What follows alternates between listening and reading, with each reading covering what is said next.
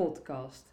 Wat leuk dat je luistert. Ik ben Celine en de vorige keer sprak ik over het thema aansprakelijkheid.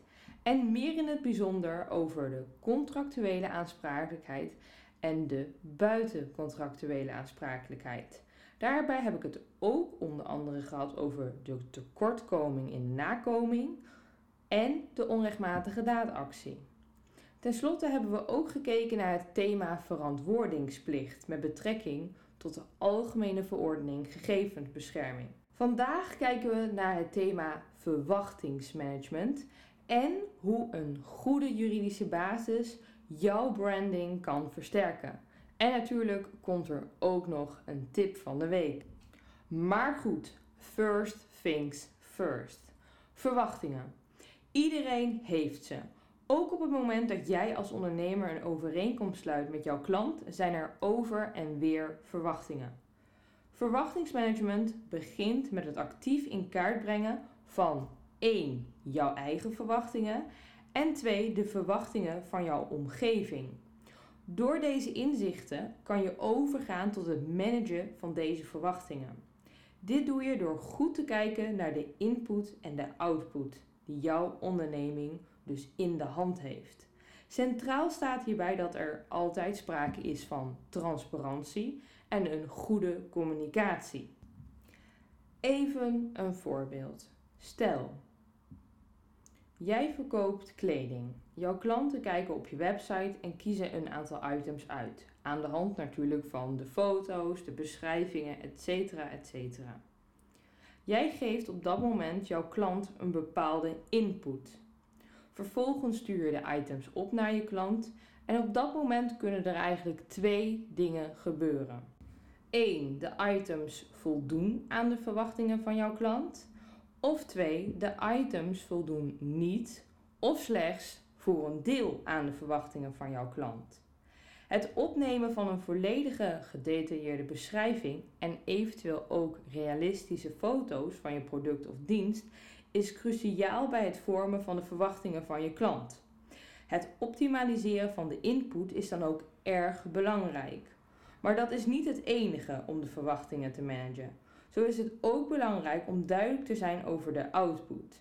De klant heeft bepaalde verwachtingen, maar een hele belangrijke vraag hierbij is: hoe gaat het nu verder? Oftewel, hoe manage ik die output?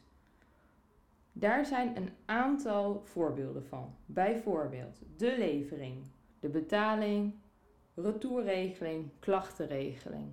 Dat zijn allemaal zaken waarbij je na die tijd, nadat jij dus al een verwachting bij de klant hebt gewekt, die verwachtingskoers, om het maar zo te zeggen, kan voortzetten. Maar ook als je dat niet goed regelt, compleet kan afbreken. En dat wil je natuurlijk niet. Dit zijn allemaal zaken die ik net noemde die je op kan laten nemen in je algemene voorwaarden. En het mooie hiervan is dat jij in principe de spelregels bepaalt. Natuurlijk moet er nu wel even een disclaimertje bij. Het moet natuurlijk wel binnen de redelijke grenzen blijven. Maar stel jezelf eens de vragen: wat verwachten mijn klanten van mij? Wat mogen ze van mij verwachten? En wat doe ik zelf om die verwachtingen op dit moment te laten ontstaan? Je kent het vast wel, het begrip de ideale klant. Wat in mij is opgevallen, is dat veel klanten heel erg moeite hebben met het begrip de ideale klant. En wat er vaak gebeurt, is dat er halve filosofische quests ontstaan op dat moment van de zoektocht naar de ideale klant geeft natuurlijk heel veel inzicht. Maar of het altijd zo praktisch is, dat laat ik even in het midden. Wat mij in ieder geval is opgevallen op het moment dat ik met ondernemers spreek over verwachtingen. Dus de verwachtingen die de klant tegenover hun heeft en de verwachtingen die zij tegenover de klant hebben, dan wordt het voor iedereen meer tastbaar. En dan kan je zelf ook keuzes maken. hey, zit ik hier op één lijn met mijn klant? Of moet ik hier juist wat gaan bijstellen? Een mooie vraag hierbij. Hoe is het verwachtingsmanagement geregeld in jouw organisatie? Nou, ik zou hier in principe nog een dag kunnen zitten en kunnen praten over voorbeelden van verwachtingsmanagement. Maar ik heb een ander heel erg interessant thema. En dat is het thema branding. Een mooi begrip vind ik zelf en de belangrijke vraag die we onszelf echt moeten afvragen: wat is nou eigenlijk branding? Nou, vanuit mij, mijn perspectief, houdt branding in dat jij als ondernemer de waarde van je bedrijf kan omzetten in visuele en niet visuele identiteitskenmerken. Oftewel, de look en feel moet passen. Bij juridische zaken gaat men vaak al snel in de gedachtegang: oh, dat is een laatste redmiddel, dat doen we pas als het schip verbrand is. Echt als aller, aller, aller, allerlaatste optie. Maar laten we duidelijk zijn: dat is één kant van het verhaal. Maar ik zeg altijd: voorkomen is beter dan genezen.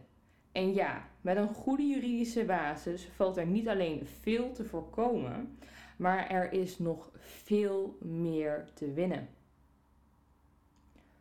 Wat zijn de waarden van jouw onderneming en hoe heb jij deze verankerd? Wellicht heb je speciaal een website laten ontwerpen om jouw normen en waarden over te brengen naar jouw klant. Maar wist je dat je ook juridische documenten hiervoor kunt inzetten? En hiermee dus jouw branding kunt versterken. Een mooi voorbeeld hiervan is een goede meld- en klachtregeling. Hierin neem je onder andere op wat een klant moet doen op het moment dat het product of de dienst niet voldoet aan zijn of haar verwachtingen. De kunst hiervan is om zulke zaken juist te gebruiken voor je bedrijf. In plaats van ze weg te stoppen in een klein hoekje onder het kopje algemene voorwaarden of in een overeenkomst onder het kopje overig.